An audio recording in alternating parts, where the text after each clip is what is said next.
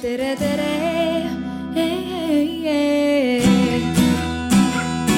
Eestimaa.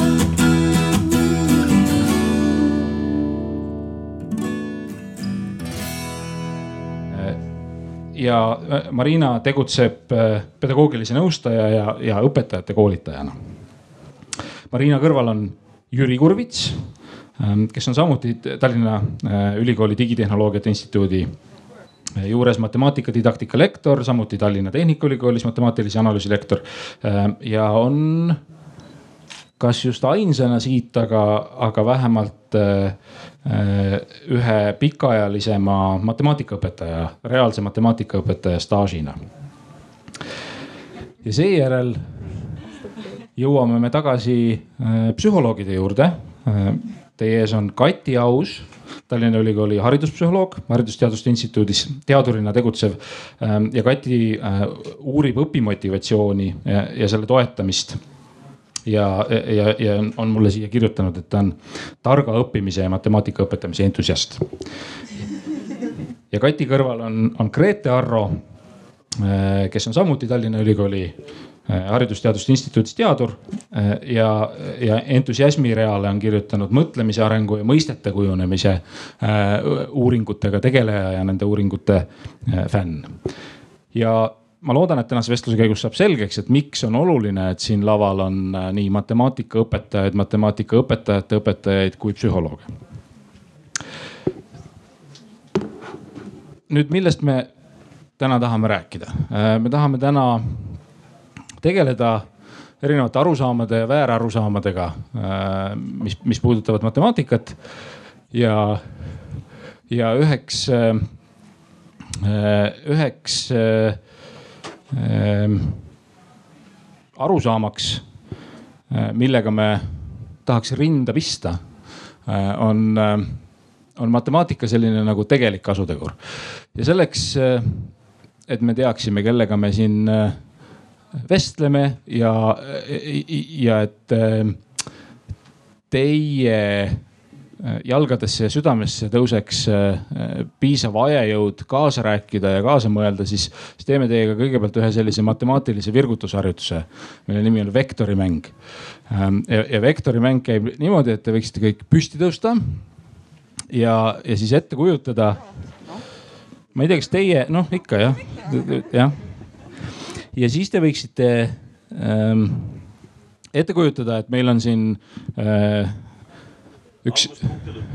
oh, jah, väga hea, ma just ootasin täpsustust, et me jah, vektori alguspunkt on see puu seal jah, ja, ja vektori lõpp-punkt on see, see puu seal, need, need puud, mis hoiavad äh, võrkkiikesid. ja, ja see vektor esindab seisukohtade spektrumit, äh, mis jookseb alguspunktist äh, lõpp-punkti ja alguspunktis äh, on seisukoht, et äh, et minu vastus, kui keegi mult küsiks, millal mul matemaatikat viimati vaja läks, on, äh, on täpselt siis, kui mul oli viimane matemaatikatund koolis. et mul ei ole elus mitte kordagi reaalselt vaja läinud seda, mida ma matemaatikatunnis õppisin. et kui te tunnete, et see on teie seisukoht, et siis, siis leidke koht selle puu läheduses siis vektori lõpp-punkt ähm, on, on vastus sellele küsimusele, et, et mul läks matemaatikat umbes kaks sekundit tagasi vaja. et ma kasutan matemaatikat suhteliselt pidevalt ja viimane hetk oli, oli üsna hiljuti. nii et moodustame sellise vektori siia ja te võite siis, eks ole, oma seisukohana äh,, oma asukohana leida punkte, mis ei ole rangelt algusega lõpp-punkt, vaid on siis kuskil seal vektori keskel ei, te võite ka ikka minna jah, siis on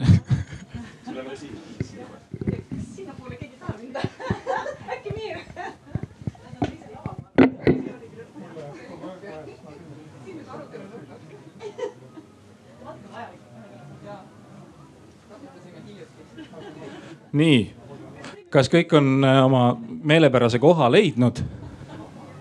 ma ei tea, kuidas see vektori definitsiooni järgimine siin läheb, et vektor peaks nagu vist olema ühedimensioonilisem rohkem. okei okay, okay., aa, et see on nagu veapiiridega.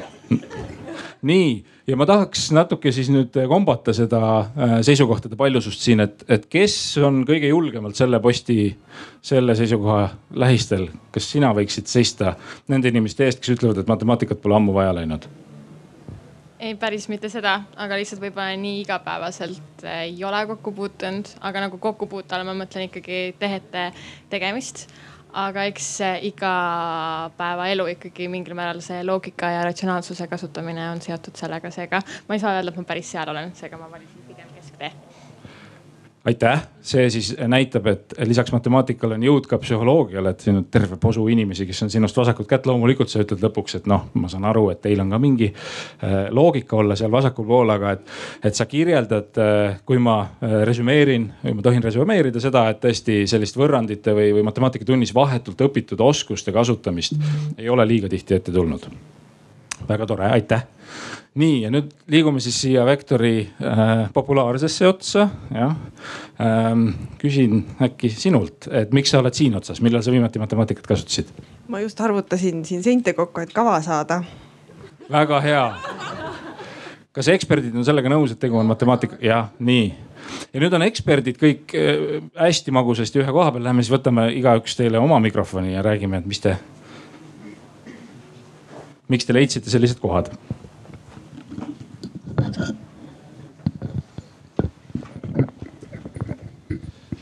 ehk siis küsimus võiks olla selles, et, äh, et millal äh, siis sellises igapäevaelus inimene kasutab seda, mida talle matemaatikaõpe on andnud. ja võib-olla alustame, alustame Jüri äkki sinust. Tervist minu poolt kõigile. tegelikult äh, ma, ma ütleksin väga lühidalt võib-olla alguses, et meil tundub, et matemaatikat me ei kasuta aga see meie arusaam matemaatikast on ka väga tihti väga ühe, ütleme, palgeline, et väga, ütleme koolitunni keskne. Et kas tõesti võrrand või tuletis või integraal ja siis tõesti võib tekkida arusaam, et ma ei kasutagi seda matemaatikat, onju. aga tegelikult äh, matemaatika ei ole ainult sümbolid või arvud. tegelikult äh, neid mudeleid, mida kasutatakse matemaatikas, on väga palju erinevaid ja väga erinevatest dimensioonidest. et kui te teete skeeme, kui te teete mingisuguseid mudeleid, kasvõi ma ei tea paberist või, või tikutopsidest või ükskõik millest te teete mudeleid või te panete mingid toolid ritta kuidagi mingi mustri järgi, siis see on tegelikult juba mingisuguse mudeli kasutamine, mingisugune matemaatika. noh, mitte, mitte selles halvas mõttes mingisugune, aga see on juba matemaatika tegelikult. kui te loete skeeme, trajektoore olete kalal, püüate välja arvutada, et, et kuhu see donka visata, mis trajektooriga ja, ja see on kõik tegelikult kõik matemaatika, see ei tule kusagilt iseenesest. noh, ta tuleb küll, tundub iseenesest, aga see, see on mingi kogemus, mille me oleme saanud kunagi ja, ja nüüd me püüame kasutada seda sellises uues situatsioonis nagu näiteks kalal. ja, ja, ja matemaatika, noh, see on nagu siis kõige noh, võib-olla lihtsam näide, aga, aga raskemad näited on see, et te koolis tegeledes erinevate ülesannetega, teil tekivad teatud oskused märgata mingisuguseid seoseid, ma ei tea, näiteks arvude vahel. Need võivad väga erinevad olla, äh, seosed on ju, ja, ja need, need seosed, mis teil tekivad ja, ja see oskus märgata neid seosi, see tegelikult seda põhimõtteliselt kool ei kontrolligi. Te ei teagi seda, et teatud oskused on teil kujunenud. aga te tegelikult kõige lihtsam näide ongi see, et te tegelikult suudate pärast reaalelus neid oskusi kasutada. Need, need, te märkate mul multiplikatiivsed seosed arvude vahel ja suudate selle kanda uude situatsiooni. no näiteks, kui on üks supilusikas, ma ei tea, soola, talle pannakse vastavusse kolm supilusikat suhkurt, siis te saate aru, et kui on vaja nüüd mitte üks supilusikas soola võtta, vaid kolm koma viis, et noh, palju siis suhkurt panna, panna sinna kõrvale. see on sihuke lihtne näide, onju. et te otseselt ei lahenda, ei pea lahendama seda võrrandi abil, onju, või kasutades ristkorrutist, mis on veel hullem asi, onju, kui võrrand. aga te saate hakkama selle ülesandega, kui teil on kujunenud vastav eh, oskus märgata mingeid seaduspärasusi ja neid uues situatsioonis kasutama. ja neid seaduspärasusi on ju mustmiljon, noh, see on üks, üks ainuke näide, mis ma tõin praegu. väga hea. Ähm, käime veel natuke seda rada läbi, et kus seda matemaatikat kasutada, et praegu on leitud selline väga hea näide kodusest köögimajapidamisest, aga kui mõelda võib-olla koduvälisest elust ja professionaalsest karjäärist, et siis ähm, mulle tundub, et äh, on levinud äh, teatud äh, müüdid või, või võib-olla nad ei ole ka müüdid selle kohta, et mõnel erialal ähm, justkui pääseks nagu ilma matemaatikata. Üks selline erialase juhtumisi on, on, on see eriala, mis paljusid meist siit, siit seob.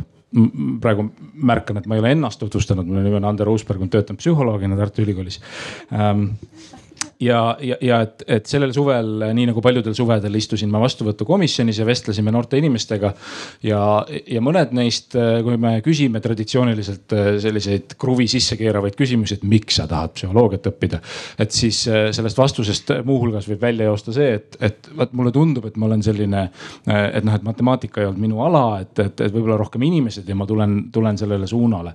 et võib-olla Kati ja, ja või Grete, et et kuidas teie nüüd nagu professionaalsete psühholoogiateadlastena, et kas, kas sellele noorele inimesele võib öelda, et jah, sul on õigus, et kui sa psühholoogiaga tahad tegeleda, ega sul vaja ei ole matemaatikat? korra, ma ütleks ainult seda veel siia vahele, tere.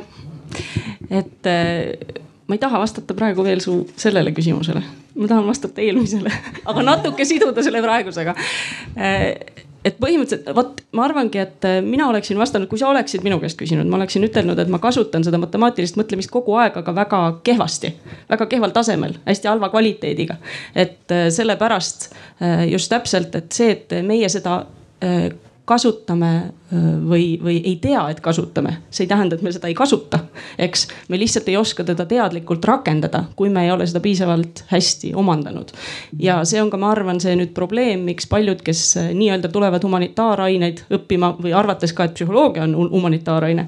et see tegelikult on üks suur väärarusaam sellest, kuidas meie mõtlemine töötab.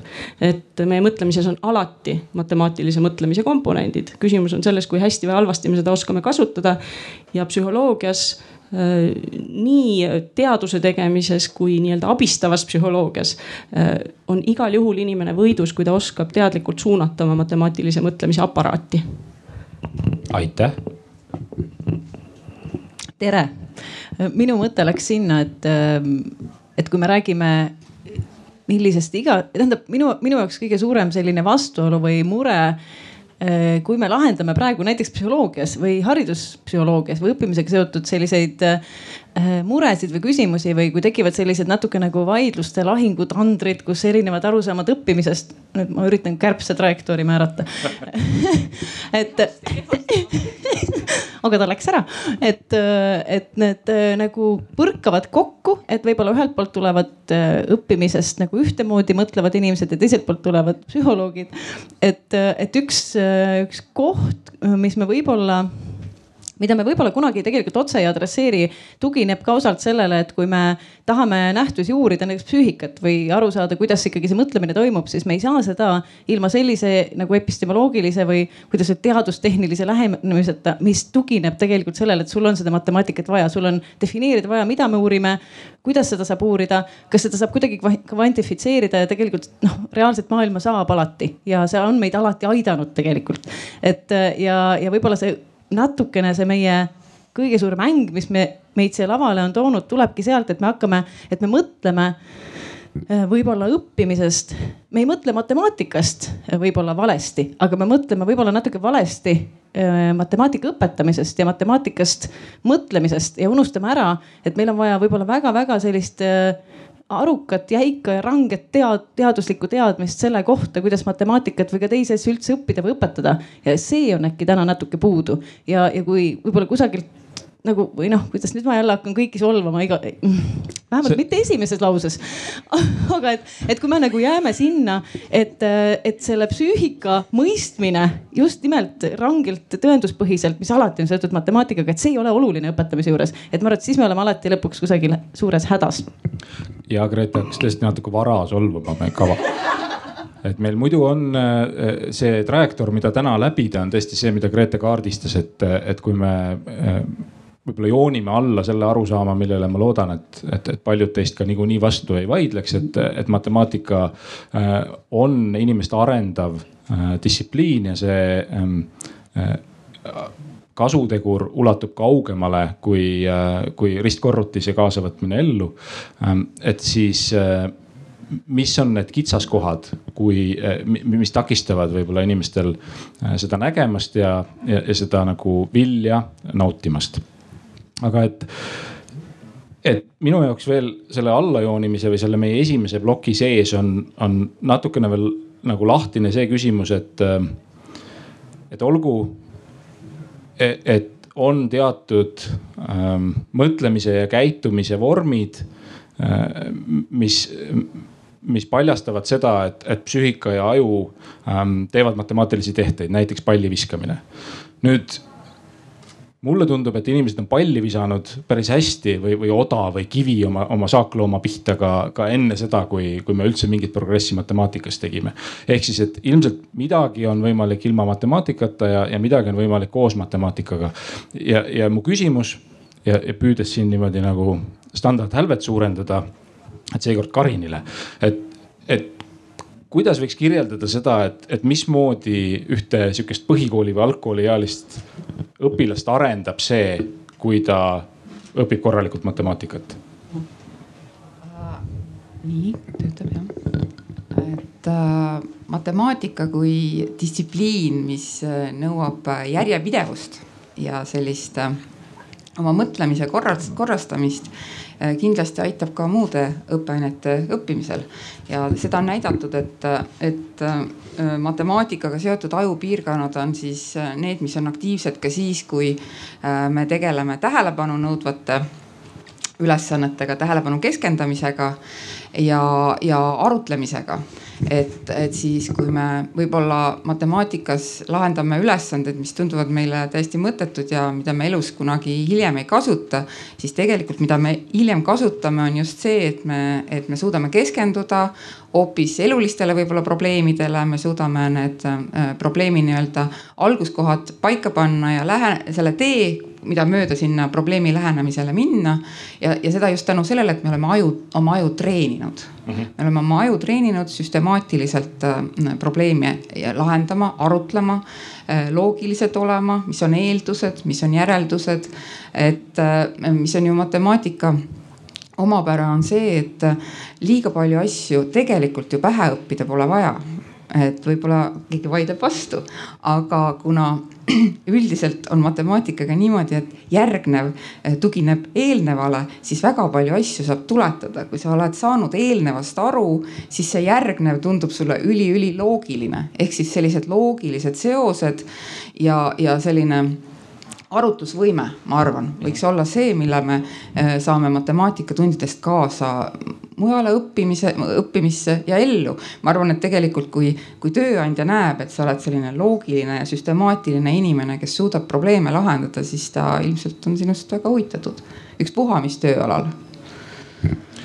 aitäh ma niimoodi, nagu te näete, sissejuhatavat osa eh, puistan laiali kogu ülejäänud nagu vestlusesse, et kindlasti vastab tõele see, et kui teil on küsimusi või vastuväiteid või kommentaare, siis eh, andke endast märku näiteks käe tõstmise või hüüatuse või püstitõusmisega ja, ja meil on siin üks liikuv mikrofon.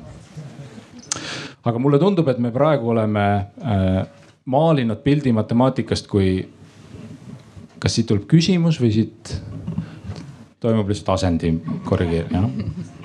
oleme maalinud pildi matemaatikast kui täiesti fantastilisest õppeainest, millega võiks täita äh,, täita enamike noorte inimeste aja ja, ja, ja nüüd tahaks natukene maa peale tulla ja kontrollida, et kas, kas inimesed on sellega nõus, nüüd teeme jälle ühe vektori harjutuse, et meil on vektori algpunkt ja vektori lõpp-punkt. ja nüüd vektori, selleks on jälle püsti vaja tulla. Ähm, vektori algpunktis seekord on, on äh, allkiri väitele, et, et matemaatika oli minu lemmikaine. jah, jah ja siis vektori lõpp-punktis on, on, on allkiri siis nagu vastupidisele, et, et matemaatika, matemaatika oli mul kooli ajal kõige vihatum, kõige ebameeldivam kursus.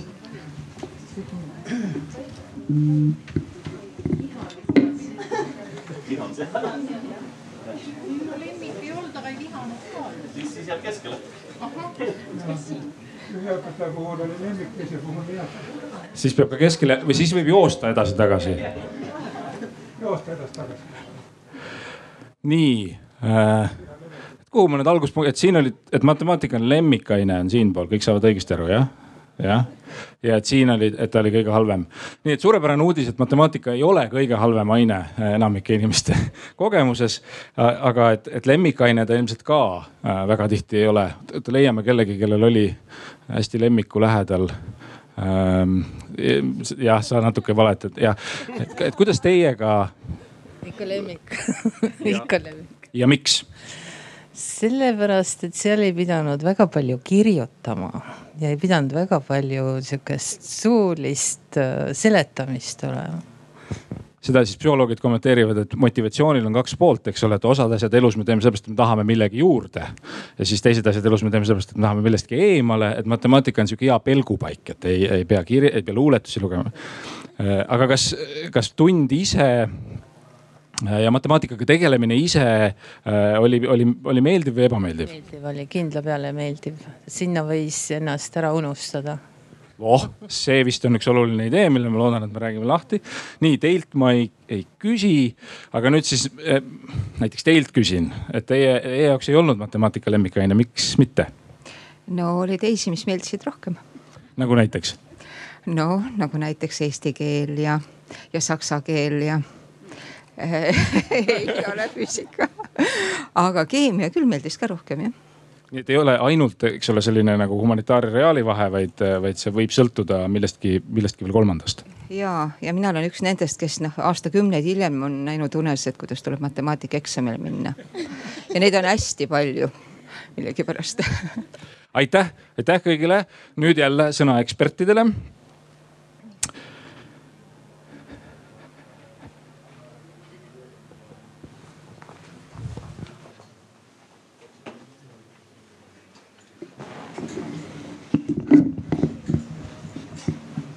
Marina, sina oled meil seni äh, jäänud, jäänud, äh, jäänud äh, sõnata et ma ei tea, kui hästi see küsimus sulle sobib, aga, aga ma tahaks teada, et kui esinduslik see pilt oli, mis me praegu nägime. et, et enamus inimesi tunnevad, et matemaatika on noh, pigem üle poole, et ei ole, et ei ole, kõik ei ole, eks ole, sellised südamest fännid, aga et keegi nagu väga ei vihka ka tere ka minu poolt, tegelikult mina lootsin, et publik hajub kuskil seal. Mina ise lootsin selle peale ja siis ma mõtlesin, okei okay,, ma selgitan, miks niimoodi toimub. Aga nüüd ma ei tea, millest ma pean rääkima, sest teie, teile enamustele ikka matemaatika kas meeldis või teie jaoks see oli äh, tähtis koolis. Ma võin öelda enda kohta, et kui mina lõpetasin Tallinna Ülikooli matemaatika erialal, siis mina peale viis aastat õppimist küll tundsin, et äh, minu aju on muutunud. Äh, ma teadsin, et ma kindlasti unustan sisu poolest kõik, mis ma õppisin pähe või kõik, mis oli trillitud äh, eksami jaoks õpetud ja see, mida ma ei kasuta igapäevaselt, aga ma tundsin, et Äh, see oskus, mida nüüd mul on, see oskus jääb minuga ja mul on päris, päris hea, ma võin öelda enda kohta analüütiline mõtlemine, analüütilise mõtlemise oskus ja see küll aitab mind äh, igapäevaselt. ja äh, veel ma tahtsin öelda, et tegelikult teadurid eristavad kak, kaks matemaatilist teadmist üks on selline instrumentaalne ja teine on kontseptuaalne. esimene instrumentaalne on seotud äh, reeglitega, valematega äh,, mis veel Jüri algoritmidega ja, ja nii edasi. ja vot need reeglid, algoritmid äh,, valemid, sisu, matemaatiline sisu mm, seda inimene võib rakendada, kui ta õpib, õpib seda pähe, ta võib seda rakendada ainult sarnases situatsioonis. ta ei saa seda rakendada teises kontekstis. selleks, et ta saaks seda rakendada teises kontekstis, temal peab olema äh, see teine teadmine, kontseptuaalne teadmine, ehk siis see on seoste äh, loomine. Ja, ja see on jah, no ta segab mind jah, vist ma midagi, midagi valesti vist ütlen, talle see ei meeldi matemaatika kohta Äh, ja kui tõesti me esitame küsimuse, kas meil üldse matemaatikat elus on vaja, no tavaliselt, tavaliselt ühiskonnas inimesed ikka ütlevad, et noh, nagu milleks, milleks, et ega ma ei lahenda iga päev, ma ei tea, iga päev äh, see logaritmid, äh, logaritmide võrrandid või ma ei tea, ma ei joonista graafikut. aga see on jällegi, see on kõik sisu poolest, aga meil on oskused ja need oskused meie saame siis, kui tegeleme matemaatikaga. aga vot see on juba järgmine küsimus, millega me siin hakkame kindlasti tegelema, mis see tähendab tegeleda matemaatikaga. nii nüüd Marina ütles, et, et see pilt, mida me nägime, on, on üllatav, et kas keegi meist teab ähm, tõendeid selle kohta, et, et see äh, väike uuring, mis me siin publiku seas läbi viisime äh,, mille tulemusel matemaatikatund on, on, on üle keskmise enamikele, et, et tegelikkuses see nii ei ole või et milline see tegelikkus on?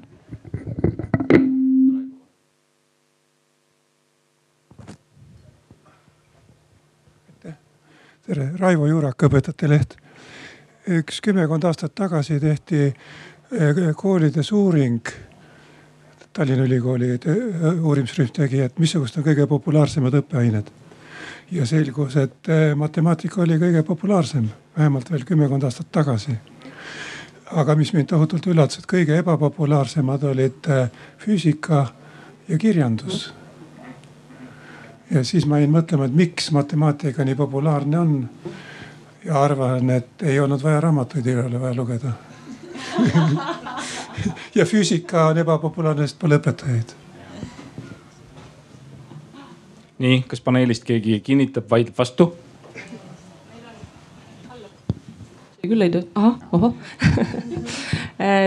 et ma arvan, et see natukene on ka seotud sellega, et me oleme kõik hästi hästi õppinud ära selle, et matemaatika on vajalik aga me oleme õppinud selle ära sellisel sisutühjal tasemel, et jah, see on vajalik, eks ole, et kui sa küsid laste käest, et kas sa valid või ei vali matemaatikaeksami, siis ta teab taustal, et tal tegelikult oleks vaja seda õppida, tal oleks vaja äh, seda eksamit teha, tal oleks vaja valmistuda. aga sellist sisulist äh, matemaatika nautimist on ikkagi pigem ka uuringute järgi vähe. ja see on just sellepärast ka, et matemaatika tegelikult on üsna abstraktne aine ja selle, sellega tegelemiseks noh, tõelise matemaatikaga, millest ma loodan, et Jüri ja Marina jõuavad meile siin rääkida reklaamida meile tõelist matemaatikat. et selle tõelise matemaatikaga tegelikult ju ikkagi koolis jõutakse tegeleda üsna vähe erinevatel põhjustel.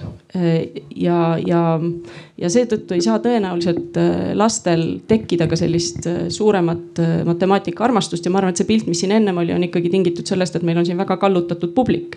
et tõenäoliselt ei oleks siin, kui teid natukenegi kuidagi ei oleks mingil määral ajanud elevile matemaatika äh, isegi kui näiteks nagu mina, ma tunnen, et ma tahaksin selles olla väga-väga-väga-väga palju parem.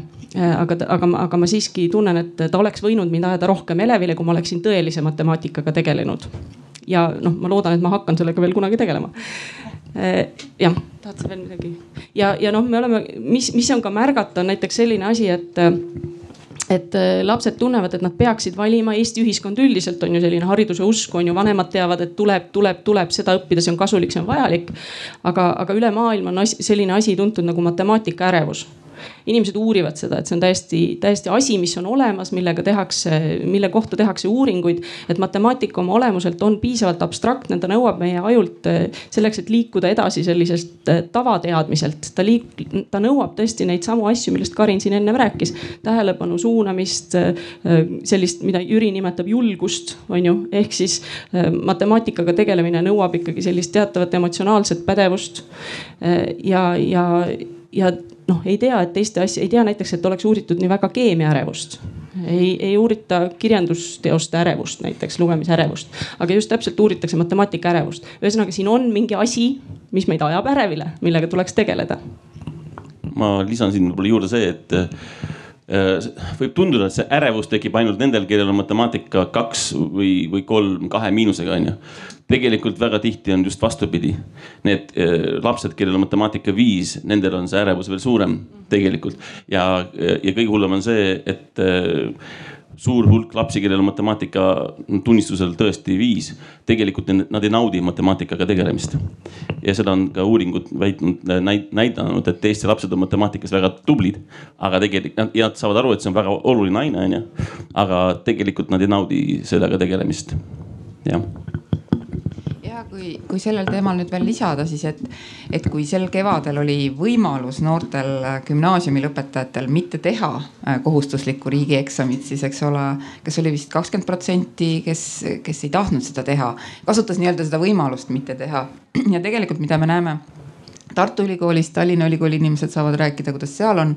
Aga me ei näe, et inimesed jookseks, gümnaasiumiõpetajad jookseks tormi õppima kõrgkooli matemaatikat õppima, et sellest meile tundub, et äkki ikkagi see matemaatika ei ole neil nii lemmikaine. ja, ja, ja veel suurem probleem on, on sellega, et, et tegelikult ei tulda õppima matemaatikaõpetajaks millest meil on väga kahju, meie tahaks väga koolitada äh, matemaatikaõpetajaid, sest et tegelikult äh, teada ju on, et äh, neid on igal aastal kümnetes ja kümnetes kooli juurde vaja. Aga paraku jah. kas see matemaatikakandidaatide vähesus suhestub kuidagi sellega, et IT-kandidaatide rohkus on samal ajal? Jah, kindlasti on mm, -hmm. sest ja praegu IT-alade populaarsus on lihtsalt niivõrd suur, kindlasti seda, aga siiski ka see, see on juba pikemat aega, et matemaatika ei ole populaarne aine ülikoolis. minu meelest, ma võin eksida, aga minu meelest see ikkagi juhtus enne IT suurt tõusu mm. -hmm. ma võin Tallinna Ülikooli poolt öelda seda, et meil on tõesti viimaste aastate jooksul kõvasti kukkunud eh, nende tudengite arv, kes õpivad matemaatikat bakas ja kunagi, ütlen kümme aastat tagasi seda probleemi ei olnud, neid, neid inimesi oli ikka väga palju. nüüd on äh, ikka sellega suht kehv olukord meil Eestis tõesti ja, ja see mõjutab ka matemaatikaõpetajate koolitust, sest äh, väga suur osa matemaatikaõpetajate koolitusest on ju inimesed, kes lõpetavad baka ja siis lähevad matemaatikaõpetaja koolitusse. aga praegu juhtub niimoodi, et me koolitame matemaatikaõpetajateks neid, kes tegelikult tulevad väljaspool matemaatika bakat ja see on niisugune päris huvitav olukord, et meil nad juba väga tihti juba õpetavad ka koolis. et äh, väga, ülikool on väga keerulises olukorras tegelikult. jah, siin ma saan, meil on sama kogemus põhimõtteliselt Tartu Ülikoolis ja. nii siit joonistus välja nüüd üks äh, probleem, mulle tundub matemaatikaõppes, mida te sõnastasite, mis on see, et isegi kui me näeme inimesi, kes instrumentaalselt või sellise vahendina mingi muu eesmärgi nimel äh, näevad matemaatikas väärtust ja, ja ka pingutavad selle nimel, siis väga vähesed äh, näevad matemaatikas äh, eesmärki iseeneses või naudivad seda lihtsalt selle, selle tegevuse pärast või kogevad seda, mida üks vastaja meile ütles, et, et et see on selline nagu hoog või, või, või, või et, et võib justkui unustada ennast sellesse. ja nüüd küsimus, võib-olla alustame siuksest nagu lihtsamast küsimusest, et, et, et kas üldse matemaatikat niisugusel kõrgel tasemel on võimalik nautida või ta peabki olema raske? tegelikult ma, ma ütleksin, et äkki Kati ja Grete vastavad selle küsimuse algul, sest no mina matemaatikuna, no ma niikuinii naudin seda ja no mina üldiselt ütlen seda, et eh, üks väike asi, millest hakkab suur probleem, on, on see, et äh, arvatakse, et ma ei ole matemaatikas võimeline. kui ma ei saanud aru neljandas klassis, et äh, jagamise põhimõttest ja et või ma ei saanud aru, miks on näiteks risküliku ümbermõõt just vot niimoodi vaja arvutada või pindala, et siis nagu oh matemaatika ei ole minu oma, kõik. ja, ja siis ma olen automaatselt kohe humanitaar elu lõpuni. aga tegelikult sa ei ole humanitaar, sa võib-olla mõtled teisiti, sul vaja võib-olla teistsugust lähenemist, võib-olla sul on vaja selle asjaga rohkem tegeleda lihtsalt. ei pea ju kõik matemaatikud olema jube kiired on ju matemaatikud, mis võtavad asja rahulikult, no pingevabalt ja uurivad asju. nii et see on minu väike lühike vastus praegu. kusjuures ja, et äh, ma tahaks natuke veel kommenteerida ühte eelmist mõtet ja siis vastata sellele küsimusele, et, et me rääkisime siin matemaatika ärevusest ja ma hakkasin mõtlema, et tegelikult sageli ka õpetajad või ja muud inimesedki arvavad, et noh, ärevus on õppimisel ju täiesti okei okay., et noh, las ongi närvis, et las olla neil paha olla ja küll siis tulevad tulemused. ja ometi me teame seda seda, et kui inimene ei ole valdkonnas just äärmiselt, äärmiselt tipptasemel, et siis ikkagi ärevus just nimelt neid operatsioone, millele matemaatika tugineb, tugevasti halvendab või üldse ei lükka seda inimest äh, paadi pealt maha. et, äh, et ehk siis, et äh, seda võimalikku väärmõistet siis kummutada. Tõesti, võib-olla üksikuid, kellele see ärevus, ärev situatsioon võib natuke kaasa aidata, seda ei saa välistada, aga, aga grupi tasandil me kindlasti muudame matemaatika vastikuks paljudele. ja siis me ei, jah, ei peagi imestama, et miks nad ei tule õpetama seda teistele. aga, aga et see mõte, et kas see peab olema valu või saab olla nauding, siis mina ütleks, et ega üks ei välista teist, et enamus asju, milles me saame väga-väga heaks, eeldavad seda, et me käime läbi selle eh, puselemise perioodi ja me natuke puseleme mingi taseme operatsioonidega. ja siis see saab meile ühel hetkel, meid tabab selles teemas valgustus ja see hakkab mõnus, noh, me saame, saame aru see tundub mõnus, edasi me saame sellise hea öö, flow kogemuse ja hakkame vajama järgmist, tere Kärbes, järgmist öö, väljakutset võib-olla samas teemas minna rohkem sügavuti, panna rohkem mingisuguseid muutujaid juurde, teha asja keerulisemaks. ja siis on meil järgmine koht, kus me tahame saada seda valu, eks ju, mis viib selle heaolutundeni. et nad tegelikult need mõlemad on seal olemas, need mõlemad on seal vajalikud ja mul on tegelikult kohutavalt kahju kõigist inimestest ja kõigist lastest, kes on käinud matemaatikatunnis, nii et tal ei ole olnud mõnus üheski teemas. ma mäletan, et minul olid teatud teemad, kõik, mis olid ruumiliste asjadega seotud, olid nii flow teemad ja ometi seda flow'd ei jätkunud teistesse valdkondadesse seal matemaatika sees. et, et see on, see on nagu jah, võib-olla see see vastandus, mis meil peas on, et kas üks või teine, aga miks mitte mõlemat, et kui me käime jooksmas ja harjutame endast jooksjat, näiteks suvaline näide, ma ei ole mingi jooksufänn. et, et siis, siis me ka ju ei arva, et see peab kohe olema mõnus, aga see ühel hetkel saab minna mõnusaks ja ma tahaks Jüri mõttest kinni võtta, et see aeglus. et mina olin koolis hästi aeglane, aga õpetaja oli selline, et ta oli hästi hea õpetaja, eriti neile, kes tahtsid pärast minna kõrval olevasse Tehnikaülikooli õppima aga et eh, noh, illustratiivselt teda kirjeldati nii, et ta ühe käega kirjutab tahvlile ja teises käes on tahvlilapp ja teisega ta juba kustutab seda maha. et ja mina, mina mõtlesin, et kuna ma ei ole nii kiire ja matemaatikat peab õppima nii kiiresti, siis ma täitsa nagu suht pingevabalt panin selle kõrvale. kuule, ma ei ole kaasas, onju, milleks siis üldse ma tahaks veel korra ütelda, et uurimused näitavad ka seda, et tegelikult äh, juba üsna varakult neljandas, kolmandas, neljandas, viiendas klassis väga paljud lapsed saavad matemaatikatrauma. ja üks põhjus, miks nad seda saavad, on täpselt need aja peale tehtavad testid, kiirelt pähe õppida, tuleb, ei tule, kes, kes vastab valesti, jääb seisma. et kõik sellised asjad, mida me klassiruumis teeme, me tegelikult sageli ei anna endale aru, milline mõju nendel asjadel võib olla sellele, et kas see laps hiljem saab hakata nautima neid tegevusi, mida Grete siin kirjeldas või tal tegelikult on väga raske tulla välja sellest, sellest olukorrast, kus ta näeb, et ei, matemaatika ilmselgelt ei ole minu jaoks, sest mina olen see, kes jääb viimasena seisma, onju mina äh, jah, ma siin publikuna palusin sõna, mina olen suur äh, matemaatika entusiast, kellel on siis kesktasemel oskused aga mina õpetan inimestele avalikku esinemist ja tunnistan, et äh, avaliku esinemise puhul peamine asi, mida ma pean õpetama, on see, et avalik esinemine on oskus, mitte anne. ta on tegelikult kogum oskuseid, mida inimesed harjutades saavad omandada. ja kuna ma olen ka suur matemaatika entusiast, aga oma töös kohtan inimesi, kes matemaatikat väga palju pelgavad, ma olen siis riigiametnik äh, muuhulgas, siis minu väljakutse on see, et äh, ma olen avastanud, et kui ma suudan inimesi võib-olla veenda selles, et avalik esinemine on oskus, siis selles, et matemaatiline mõtlemine on oskus, mis on harjutamise nagu kaudu kõvasti parem parandatav, on asi, mida inimesed lihtsalt ei usu. ja nad ütlevadki, et mul ei ole seda mõtlemist, ma jään ja nii on. ja ma olen ise mõelnud, et ma ise, põhjus, miks ma armastan matemaatikat hoolimata selle valust, on see, et seal on õiged vastused. ja mulle meeldivad väljakutsed, kuigi ma olen seda õppinud alles hiljem ülikoolis teadusega kokku puutudes. et matemaatika kui protsess on nauditav viis mõistetusi lahendada aga kuna minu arvates matemaatikas olid õiged vastused, olid valed vastused, meil tõepoolest oli see surve äh, ja see ka, et, et noh, see protsess ehk siis see mõistatamine ei olnud see, mida me tunnis armastasime, vaid õiged vastused, siis see viib ju täiesti sihukese klassikalise noh, mis on see performance ärevus või ehk siis esinemise, no põhimõtteliselt jah, matemaatilise esinemise ärevus. ja ma mind väga huvitaks, kuna mulle tundub, et see noh, see on nii suur võti selle teema mõist- äh,, lahti mõtestamiseks, et mis me saame teha. Kas me peame kõik õpetajad võtma kõrvale ja ütlema, et alates homsest räägime ainult oskustest või miks see siiamaani pole muutunud, kui see oli probleem juba nii palju aega tagasi? no siin on probleeme väga palju või milles on küsimus.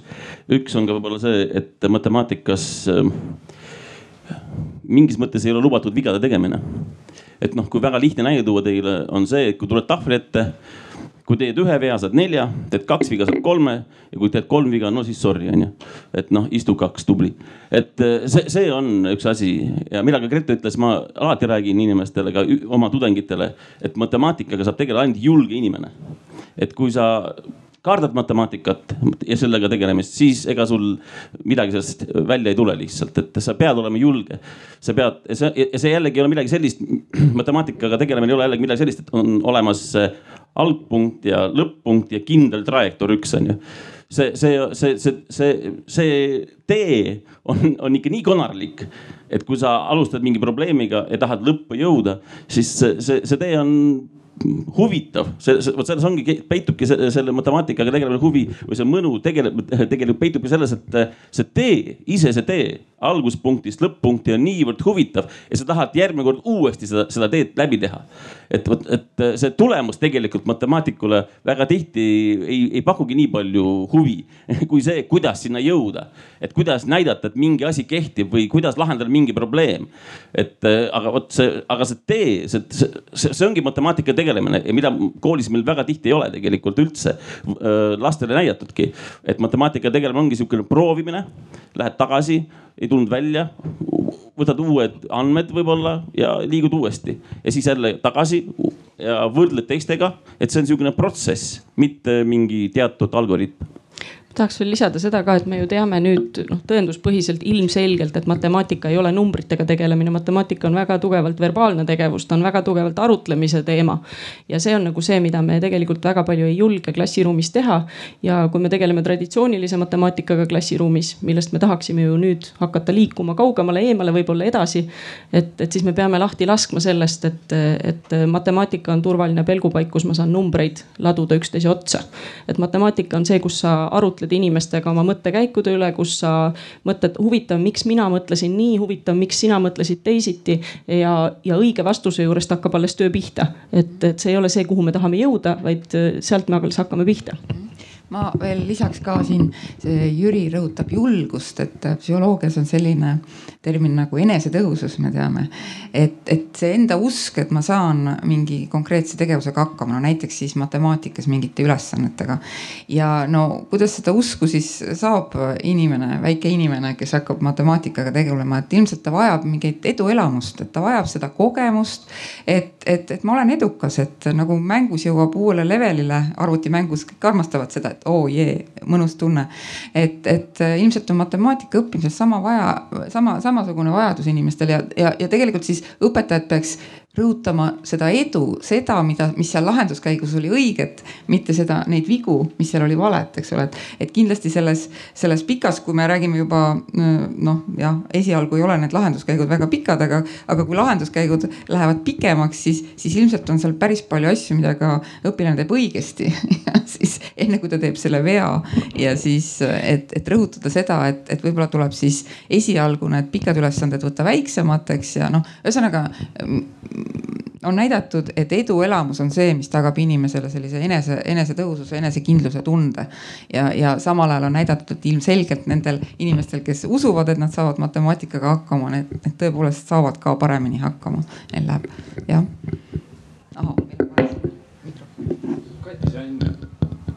kuni sa jooksed jah, et äh, ma tahaksin väga rõhutada, et see on see ka, miks, miks võib-olla on, oleks hea, kui matemaatikaga tegeleksid erinevate erialade inimesed, on kaasa nagu siin just praegu tõi väga mõnusa paralleeli hoopis teise valdkonna inimene. Äh, aga noh, samamoodi näiteks ikkagi psühholoogid, matemaatikud koos, et äh, matemaatikas, matemaatika õppimine on täpselt samamoodi nagu kõikide teiste valdkondade õppimine, et seal ei ole oluline, kas on õige või vale. eduelamus saab tekkida ka siis, kui see ei ole meie jaoks oluline, kas see on õige või vale, vaid oluline on just täpselt see mõtlemisprotsess ja selle nautimine. ja, ja selleks, et õpetada lapsi nautima mõtlemisprotsessi selleks on oma meetodid, et, et noh, me ei, me ei saa jääda kinni sellesse, millega me oleme harjunud, et tegelikult see, kui me tahame õpetada uut matemaatikat, uut matemaatilist mõtlemist, siis me peame lahti laskma sellest, millega me oleme harjunud ja analüüsima läbi absoluutselt kõik meie vanad teadmised selle kohta mis võiks olla tõhus. et uus tõenduspõhine teadmine annab meile suhteliselt selgeid suuniseid selle kohta, kuidas oleks mõistlik saavutada see, et inimesed oleksid vabad sel hetkel, kui nad pane-, tahavad mõtelda matemaatikast. jah, et mul lihtsalt tekkis mõte sellega seoses, et eh, kui inimene otsustab, et tema ei ole matemaatik juba väga varajases eas, et eh, et see on seotud nagu distsipliini ja sellega, kuidas võib-olla vanemad on kasvatanud. aga tihti ongi see, et tuleb see laiskuse tunne ja siis otsustab laps, et aga tema on hoopis humanitaar, et mina eh, edasi selle teemaga ei lähe, et nagu õigustada tegelikult seda hirmu selle raske töö ees ja kui kohe välja ei tule, et siis ma tegelen pigem kirjandusega, kuna seda on mul natuke lihtsam mõista. et võib-olla on see ka nagu õpetajate küsimus kuidagi selgitada, et see ei ole nii, et see ei käi nii lihtsalt, et kui sa ei viitsi, siis sa ei ole, et sellel on nagu mitu hargnevat teed, kuhu suunas minna keegi tahab kommenteerida? mina tahan öelda hästi-hästi segase mõtte, saades sinust inspiratsiooni, et mida ma olen ka, kui me siin enne arutasime sedasama teemat et kui, mis, mis mul pähe tuli, et, et kui me mõtleme, et matemaatika tegelikult on ju nagu üks viis maailma näha ja ta on absoluutselt hädavajalik viis, kui me tahame maailma teaduspõhiselt mõista, üleüldse tahame mingisuguseid, midagi aru saada sellest, mis meie ümber on ja teatavasti, kui me saame aru, siis me saame ka valida õigeid praktikaid selles maailmas. ja, ja ma hakkasin mõtlema, et see on hästi huvitav, et meil koolis nagu juhtub see, et ma kuidagi kõma, kõmisen. Äh, et juhtub see, et me seome nagu selle viisi maailma nähe kuidagi identiteediga, et matemaatika ei ole loomulik orgaanilise osa sellest, kuidas sa maailmaga suhestud. ma suhtlen inimestega, ma järgin hügieeni, ma oskan matemaatikat, noh, pole probleemi, see ei ole identiteedi osa. et ta meil muutub nagu identiteedi osaks, et ma kas olen humanitaar või reaalaine inimene selmet siis äh, olla lihtsalt inimene, kelle jaoks, kelle psüühikas ongi kõik need asjad erioskused, eritahavud selleks, et maailma mitmekesisemalt mõista. võiks ju ka ära defineerida, et noh, mina olen see, kes noh, ei löö teisi inimesi, onju. et see on lihtsalt osade inimeste tunnus, aga ometi see tohib olla kõigi tunnus ma, ma tahaks veel, et see mõte nagu kuidagi kaduma ei läheks, et just täpselt see sidumine identiteediga, et see, mida sina kirjeldasid, tegelikult oli praktiliselt see, et sinu identiteet hakkas seostuma rohkem muude valdkondadega. Ja tegelikult äh, noh aju-uuringud näitavad, see ei ole nii, on ju, noh, täpselt nagu Grete ütles, meis kõigis on need kõik asjad olemas, arenevad need, millega me tegeleme mõistlikult, mitte ainult millega me tegeleme, vaid millega me tegeleme mõistlikult, nii et see arendab meid edasi. Äh, aga ma tooks veel siia, et on tehtud ka selliseid uurimusi, kus ongi näidatud, mis on minu meelest eriti kurb, on see, et äh, kui inimesed justkui on, võiksid tegeleda nii matemaatikaga kui humanitaariga näiteks. Ja neil humanitaar tundub mingil hetkel tulevat natukene paremini välja siis juba tuleb see lõhestus ja juba sa ei ole enam reaalinimene. ja tegelikult me teame, et me kõik oleme kõik, on ju, me kõik oleme kõik. aga kuidas aidata näiteks, mul tekkis selline küsimus, kuidas aidata õpilast näiteks, kuidas õpetaja võib aidata õpilast või lapsevanem, kui õpilane ütleb, mina olen humanitaar, aga jällegi tulem- või põhjus on vot sama, jah, mis meil oli. kuidas aidata? et öelda et öelda näiteks seda, et aga sellist asja ei ole olemas. et, et sa, me saamegi hakata tegelikult, aga see al, algabki ju sealt, et kuidas me lastele selgitame seda, mis on õppimine, kõikide asjade õppimine, kuidas õppimine ajus juhtub, just nimelt sinus arenevad need asjad, mida sa oled oma keskkonda pannud ja millega sa oled suhestunud. kui sa oled sinna pannud palju matemaatilise mõtlemise harjutusi, siis sa seda arendad, kui seda pole sinu elus juhtunud, see ei ole see, et see on su identiteedi osa, sa pole lihtsalt kogenud seda. et noh, et tegelikult see algab juba eos sellest, kuidas me õppimist ja mõtlemist mõtestame igas, igas aines, et see on, see ongi nagu see põhijäng, et sellel hetkel, kui ta on juba ennast ära defineerinud, me peame jube pikalt hakkama nagu juurteni tagasi minema mingis mõttes, kuna ta juba mõtleb õppimisest valesti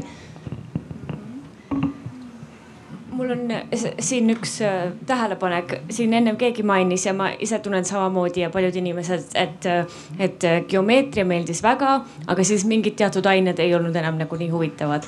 et kas natuke ei ole probleemi selles, et muidugi siin on see kana ja muna küsimus, et, et sul on vaja mingeid teatud matemaatilisi oskusi, et teha rohkem neid rakenduslikke siis matemaatilisi äh, kus sa matemaatikat kasutad. et äh, näiteks üks asi, mis minu kooli ajal absoluutselt jäi peaaegu et katmata, oli statistika, et palju on statistikat, mis nõuab väga kõrgemat matemaatikat, aga väga palju on li väga lihtsat statistikat, mida keskkooli lapsed saaksid teha. et kas üks see võti, mis nagu lahendaks selle, selle, kuidas ma ütlen, selle tubli ja selle reward küsimuse ja samas ka seda, et, et sa oled humanitaar, aga sa näed, et tegelikult matemaatika on väga kasulik, kui sa tahad, ma ei tea, kahe grupi erinevust äh, vaadata. et kas see võiks olla üks lahendus sellele, sellele probleemile, et, et natuke rohkem seda nagu käega katsutavamaks teha äh, matemaatikat juba varem koolis? aitäh, tegelikult seda teed juba on mindud, minu teada on statistika osa mm, gümnaasiumi õppekavas tugevalt suurendatud. Et selles mõttes ütleme nii, et see mõte iseenesest on, on suurepärane, et tõepoolest matemaatika, see haru, statistika on väga eluliselt muude, muude valdkondadega seotud ja, ja annab ka inimesele sellise noh, kuidas nüüd öelda siis eh, tänapäeva kirjaoskuse nagu sellises maailmas üldse, üldse ringi vaadata ja aru saada, mis toimub, aga sealt tuleb veel. jätkame publiku küsimustega. aitäh. kuulsin siin mitugi puhku seda, et matemaatika võib äh, ära hirmutada või et see on julgetele ja kui see ei õnnestu, siis sa lähed turvalisse humanitaariasse. ma ise tajun seda täpselt vastupidi, et humanitaarias, see on sihuke kõikuv, ebakindel, õpetaja maitsest sõltuv edu. Et see on, see on minu jaoks väga hirmuäratav, matemaatika on nagu seal võib vigu teha, aga vähemasti no, need on nagu endale üles leitavad ja nagu mm, ma, ma paneks ette, et matemaatika on pigem argade inimeste ma arvan, ma arvan, tuleme siin selle õppeprotsessi juurde tegelikult lõppude lõpuks, et kuidas on üles ehitatud. et äh, igat õppeprotsessi on võimalik väga erinevalt üles ehitada ja vahet ei ole, kas on keemia, matemaatika või kirjanduse tund jah. et äh, mina omal ajal ka, kui ma olin koolis, ma, ma nautisin keemiat, füüsikat, matemaatikat ja, ja mõnda teist ainet väga teistmoodi. ja usu, uskuge mind, mul, ma olen küll julge mees praegu, aga, aga on ained, kus ma ka läksin niimoodi, no ei olnud väga kindel ma endas. ja mitte sellepärast, et see aine mul välja ei tulnud, et me õppisime ju hästi, aga mingi teine asi, see vot see õppeprotsessi ülesehitus, vot see oli kuidagi selline, mis ei toetanud mind nii palju, kui oleks võinud toetada tegelikult. veel üks küsimus üldse ei saa aru, millest räägite. Öelge seal üks, kaks, kolm, neli, viis.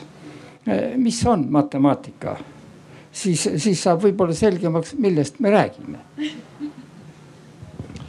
raske vastu, vastu vaielda, aga kes tahab, kes tahab pakkuda definitsiooni?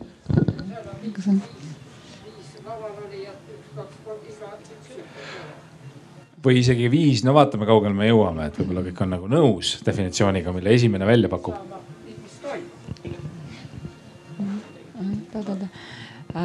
No vaatame, mis teised ütlevad, kui ma ütlen, et äh, matemaatika on keel äh, ümbritseva maailma mõistmiseks ja selle edasiandmiseks. mis te juurde ütlete? ma täiendan, ja, ja. ma, ma täiendan, et äh, matemaatikas võib vaadelda kolm matemaatilist protsessi. ja see noh, nagu on täiendus nüüd Karini poolt öeldule, et on olemas esimene matemaatiline protsess on formuleerimine teatud äh, situatsiooni formuleerimine. noh, praegu räägitakse kõige rohkem sellest, et see on mingisugune reaaleluline situatsioon. et see on esimene matemaatiline protsess, millest rääkida. et sa formuleerid mingisuguse probleemi matemaatiliste vahenditega. noh, seda veel öeldakse, et mudeldamine, et sa lood mudeli ja see mudel võib olla väga erinev. see ei pea olema võrrand, see ei pea olema mingi funktsioon või, või, või, või mingi graafik, see võib olla ka reaalselt mudel. kas näide, kas näide võib olla praegu sellest, et me teeme viiruse levikule mingisuguse mudeli, et, et on reaalsus ja me üritame seda kirjeldada numbrites? nojah, meil on olemas mingi situatsioon ja me püüame selle situatsiooni ära kirjeldada. no näiteks teeme tõesti graafiku, on ju, see on mudel sellest asjast. nii, aga see on esimene matemaatiline protsess, järgmine matemaatiline protsess on selle mudeli nii-öelda äralahendamine. et noh, sul on olemas mudel, aga noh, mis, mis sa siis saad sellest, on ju. ütleme, et see on nagu sihuke teine protsess on nagu puhas matemaatika selles mingis mõttes on ju, tema see sisu. ja siis sa saad vastuse kätte, näiteks X on kolm aga X2 on miinus seitse, no näiteks onju. siis tulebki mängu kolmas matemaatiline protsess ja kolmas matemaatiline protsess on nagu tõlgendamine.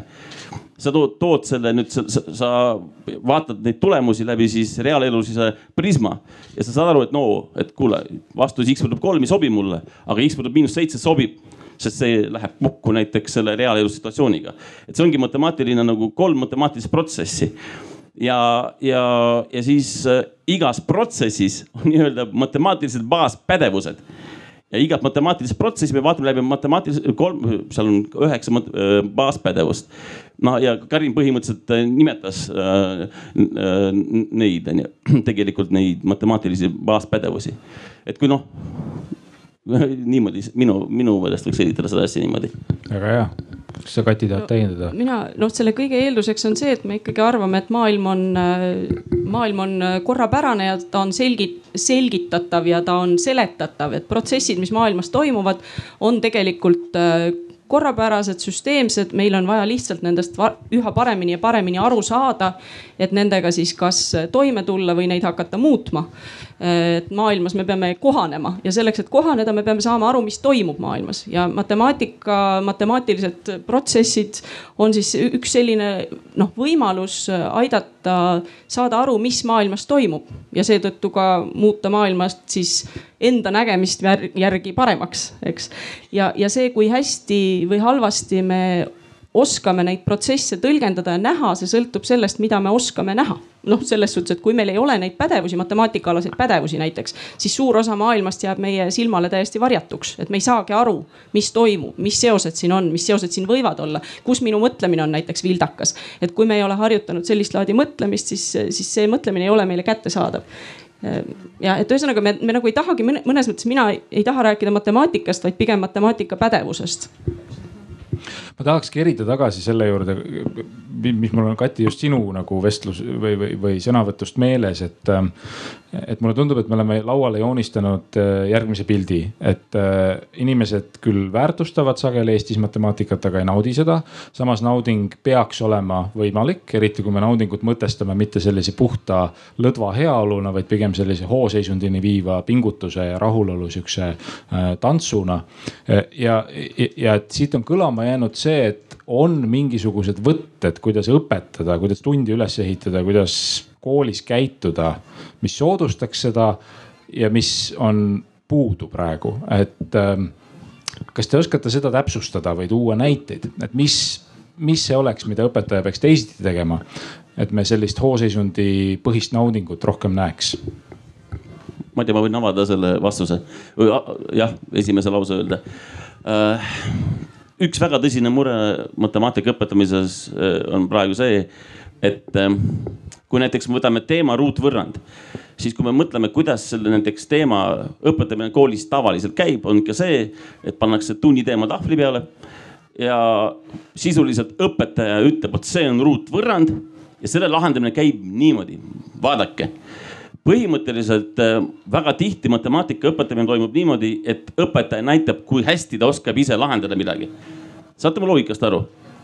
mitte see, et laps tegeleb matemaatikaga, vaid õpetaja näitab, nagu meie praegu siin, suured meistrid enda arust on ju. et sama on tema seal tahvli ees, et näitab, kuidas tema oskab midagi teha. selle asemel, et koos teha või luua keskkond kus lapsed äh, tegu, tegelevad matemaatikaga, avastavad võib-olla needsamad seosed võib-olla, mida avastas juba siin mõni teine teadlane juba paarsada aastat tagasi. aga ta avastab selle ja, ja siis, kui ta avastab selle niimoodi ise tehes matemaatikat, on suurem tõenäosus, et, et, et ta oskab selle ka uude situatsiooni äh, üle kanda. et kui see niisugune lühike algusvastus. ei, ma hiljem teid, jah, hetkel ma võin mõtelda mõttes, õudselt aimuses ma lihtsalt äh, tahtsin plaksutada, aga kas sealt tuli küsimus praegu? ja, aga ma võin lihtsalt öelda ka seda, et just nimelt see, et, et, et äh, ühesõnaga et meil on kogu aeg arusaam, et, et kui inimene paljundab nii-öelda väliselt seda õpetaja tegevust, siis see on õppimine, mitte see, et kui tema ise oma peas, tema neuronid otsivad need rajad üles, sellisel juhul saab te see tegelikult saada tema omaks ja tema oskuseks. et mis siis, et ta peabki läbi käima nii-öelda mingis mõttes selle teaduse ajaloo on, et aga ta saab seda meie toel kiiremini teha, et tal ei lähe mitusadat aastat aega.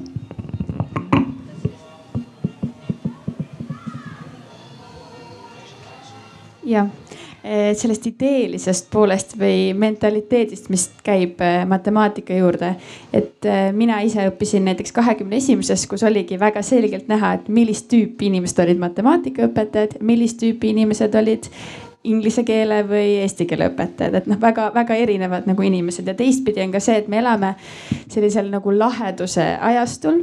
Ja kui kuidagi jõuab meie alateadvusse see, et matemaatika ei ole lahe, on sellest väga raske lahti saada. et justkui tegeleda loominguga ja sellise kõigega on nagu lahedam, siis on väga lihtne endale öelda, et mul poleks seda ellu vaja. et siis on ka küsimus selles, et kuidas teha jälle seda noorte jaoks lahedaks, et mis just näiteks õpetajate küsimuses, et õpetaja jagab seda oma entusiasmi matemaatika osas, mitte ei ole kibestunud äh, vana inimene nagu tihtipeale on kusjuures lihtsalt kommenteerin, et selles mõttes on hästi nagu tore teid siin kõiki näha, et matemaatika, mis tegelikult ei olegi lahe, tõid ometi, tõi ometi teid kõiki siia. et rebelid, ma ütleks oi veel. tuleb uus küsimus, jah. mul on sammulugeja ka, nii et mul tegelikult on hea see. aga me vist ei vastanud üldse, on ju? on nii, me tahtsime, jah, keegi võiks, on ju. Et, et see, et äh, Kas, on kas vanad inimesed, et selle vastu pole nii väga rohtu, aga et võib-olla nende muude asjade vastu ikka on rohtu. äkki Marina, sa tahad midagi ütelda? jah, mina võin vastata, ahah, kas on kuulda? ehk siis vastan küsimusele võib-olla siis, miks on vaja teha ja teie küsisite, et uh, miks siiamaani jah, meil ei ole veel midagi muutunud uh,. eks see tegelikult üldiselt, üldiselt me oleme uh, ikka veendunud siiamaani, et meie saame õpetajana ja lapsevanemad ka arvavad niimoodi uh, teadmised edastada võib-olla me räägime, et see ei ole võimalik ja uuringud näitavad, et see ei ole võimalik ja kõik, kõik, kõik teavad, et see ei ole võimalik, aga kuidas teha nii, et ma ei edasta enam, vaid nemad loovad oma teadmised ise. see on suur küsimus ja tegelikult väljakutse. Selleks, selleks klassiruumis peab olema loodud teistsugune keskkond ja teistsugune ohoh, ohoh, ahah, olen, teistsugune äh, ütleme nii tunnistsenaarium ehk siis kuidas õpilased klassiruumis tegutsevad. et kui meil lihtsalt äh,, ma ei tea, küsida meie käest, mis on kool, mis on klassiruum, mis on tund, ega enamus näeb kohe see tahvli, kriidi õpetaja tahvli ees ja siis äh, klassiruum, kes istub ja kuulab äh, ja vahepeal näiteks tõstab kätt ja küsib õpetaja käest. kui me tahame, et õpilane äh, oma peas looks äh, seose, et selleks ta ei pea vait olema, ta peab tegutsema. aga veel järgmine tuleb see väljakutse, kui õpetaja konstrueerib teistmoodi situatsiooni, kus nad töötavad rühmades, arutlevad omavahel, nendel on oma näiteks töölehed mida näeb õpetaja ja vahepeal tegelikult õpetaja seda päris hirmutab. ta hakkab nägema, kuidas õpilased tõesti õpivad, kuidas nad töötavad. ta näeb, et nad töötavad aeglaselt, ta näeb, et nad eksivad ja õpetaja hakkab muretsema, et kui nad eksivad nii palju, äkki pärast jääb meelde kõik, ma ei tea, need valed seosed ja need vead ja mis iganes ja nad ei kirjuta kontrolltööd või nad ei soorita pärast eksami. et pigem ma ise ikka selgitan õigesti, nii nagu on vaja, nii nagu on. sest see selleks, et nad pärast saaksid parandada oma vead, õpilastele on vaja aega. aga meie töötame hetkel niimoodi, et ikka tund teema, tund teema, tund teema, seda aega lihtsalt ei ole. ja no mõni, mõni õpetaja lihtsalt võtab selle vastutuse selle peale, et ta mõtleb, okei okay, aga ma ei võta tund teema, tund teema, ma töötan nendega teistmoodi, ma vaatan, kuidas nad õpivad, ma vaatan, kuidas ma saan neid uh, toetada. ja vot siis vastada nüüd teile küsimusele, et tegelikult meie peame lubama meie õpilastele eksima tunnis las nad eksivad, kui nad eksivad, see on väga hea, kui nad hakkavad eksima ja kui nad võtavad vastu seda eksimust, kui nad ei karda seda, siis matemaatika tegelikult ei ole nii hirmus. mis siis jah, mina eksisin, jah, mina mõtlesin, et hüpotees on selline, aga tegelikult ei. hüpotees on teine. väga hea, see on tulemus, aga sa töötasid, sa tegutsesid aga ma tahaks natuke võib-olla rääkida selle kohta ka, et kuidas noh, ikkagi need protsessid muutuvad väga aeglaselt. et praegu ikka veel jah, et, et sageli ikkagi matemaatikat tulevad ka õppima inimesed, kes ise on nautinud teatud tüüpi matemaatikat koolis võib-olla et loomulikult me tahaksime seda natukene raputada ja, ja seda me saamegi raputada sellega, et me hakkame rohkem ja rohkem rääkima sellest, et on erinevat laadi matemaatikat. et on selline tõesti protseduuriline matemaatika ja on selline kontseptuaalne matemaatika, mis on väga loov. kus on väga palju arutlemist, kus on sõna otseses mõttes kirjandi kirjutamist suulises vormis on ju. et seda kõike, aga selleks, et, et meil oleks õpetajaid, kes, kes on juba valmis ise sellisest matemaatikast mõtlema, et see võtab aega aga, aga see nõuab ka väga palju ressurssi, et see nõuab väga palju täiendõpet uut. see nõuab väga palju esmatasandi õpet, mis oleks noh muutumises, pidevas muutumises. et see, mis me praegu arvame, et on hea, loomulikult mõne aja pärast jälle see muutub tõenäoliselt. aga igal juhul noh kui me tõenduspõhiselt asjale lähenemine, siis läheme, läheneme, siis see kõik näitab, et meil ei ole mitte mingit mõtet hoida kinni traditsioonilisest matemaatikast no definitsiooni juurde tagasi tulles või määratluse juurde, mis on matemaatika, see oli, ütleme seitsmekümnendatel eh, niisugune aktsioon ja ainus määratlus, mis eh, jäi, oli, et matemaatikaga tegelevad matemaatikud, see on kõik. ja, ja, ja siit ka edasi, kui matemaatikat õpetavad matemaatikud vot siis neid probleeme ei ole, millest te siin räägite, siis see pedagoogika. noh, kus hakkab pedagoogika ja, ja jutustamine, see vahe ei ole selge. kui matemaatikat õpetavad matemaatikud, neid probleeme lihtsalt ei ole. aga see, mis te rääkisite kolmest, kolmest sellest operatsioonist, siis see on kategooria teooria see on küllalt üldine matemaatika lõik ja see on kategooria teooria, et kus on morfismid ja, ja objektid ja seal võite niimoodi äh, jagada ja seda esitada, aga see ei ole mitte kõik matemaatika. ja kui te vaatate näiteks Springeri ja World Scientificu neid äh, raamatute tellimisi, siis pange tähele, seal on science ja matemaatika on eraldi. matemaatika ei olegi science mitte Science'is on keemia, füüsika, bioloogia ja nii edasi, aga matemaatika on eraldi. et tal on tõesti mingi eriline, äh, eriline roll. ja, ja, ja, ja, ja kui teada, mis roll, siis sellega tegelevad matemaatikud aga ma tahaks nüüd kohe-kohe hästi kommenteerida, et äh, see on tõsi, et inimene, kes aitab teistel inimestel äh, matemaatikas orienteeruda, võiks ise olla väga pädev ta võiks olla tõeline spetsialist, et ta teaks, mis oli enne, mis tuleb pärast, mis on seotud millega. et tal võiks olla väga-väga lai pilt selles osas.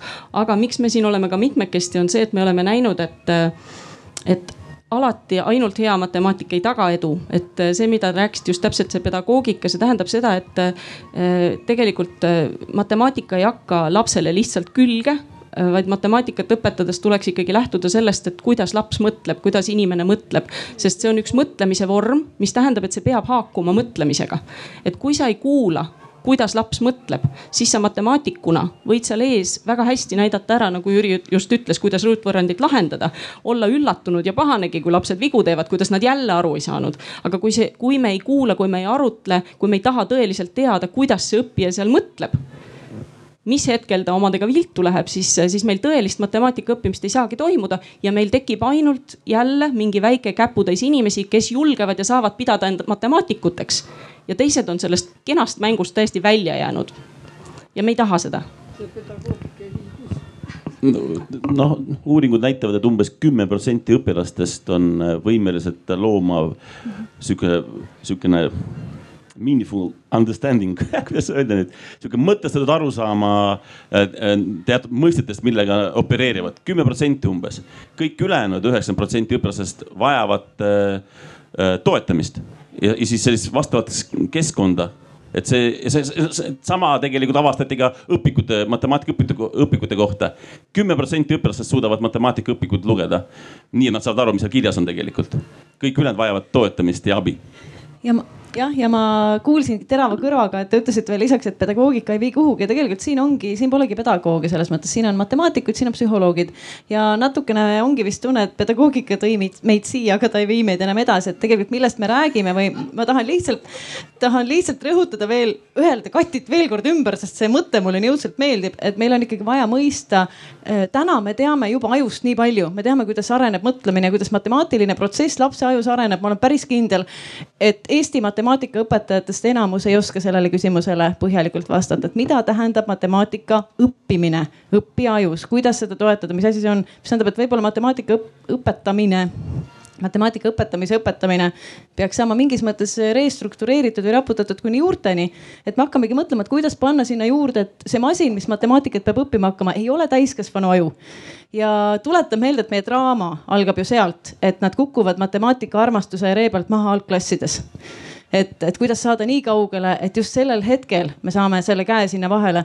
üks mõte, mida ütles üks meie hea sõber Freeh ülikoolist Amsterdamist, kelle nimi on Martin Meeter. Eh, samamoodi psühholoog, kes on läinud õpetajakoolitust uuendama. tema ütles, et ja nüüd ma võin suurusjärgu võrra eksida, andke mulle andeks, et ühe ravimi, ühe tableti arendamiseks on, kulub umbes kas miljon või miljard eurot, ma ei mäleta. ühesõnaga suur summa raha. mingid numbrid olid, mingi suur number, rohkem raha kui minul on. aga et kui palju raha kulub ühe haridusliku sekkumise loomiseks, et see ei ole absoluutselt võrreldav, et, et me tegelikult ei mõtle, et Kati ütles, et see ressurss, mis sellele kulub, et me päriselt viiksime sinna igasse klassiruumi, iga õpetajani sellise mõnusa nii, nii keskkonna, aga veelgi enam need teadmised, sest kui tal on teadmised, ta loob ise selle keskkonna, kus lapsed hakkavad mõtlema. et, et, et see võtab ressurssi ja esmalt, et anda, et ühiskond saaks anda sellele ressurssi, me peame sellest kõigepealt ise aru saama, et seda on vaja. nii mul, ma, ma korra siin annan publik või Karin, sa tahaks ja, ja olgu. ma täiendan praegu sedasama mõtet siit kohe edasi hästi lühidalt. et meie viisime sügisel äh, matemaatikaõpetajate hulgas, Eesti matemaatikaõpetajate hulgas läbi küsitluse ja sealhulgas küsi-, muuhulgas küsisime ka, et äh, mis laadi täiendõpet nad vajaksid.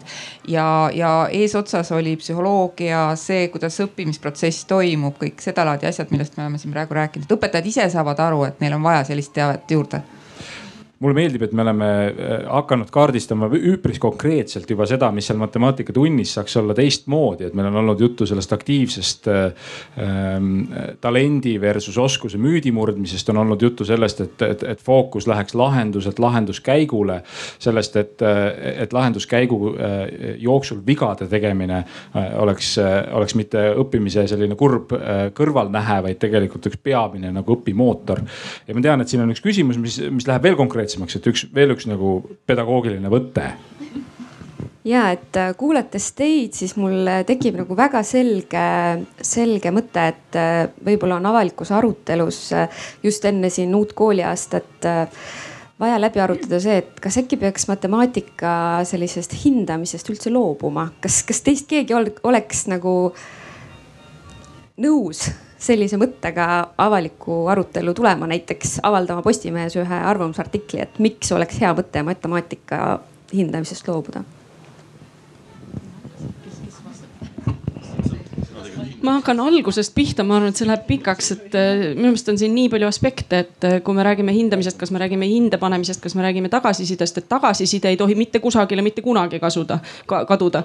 Äh, aga, aga see, kuidas tagasisidet anda, et juba see on eraldi oskus ja mõnes mõttes see hindehirm on juba tagajärg sellele kõigele, mis on olnud enne.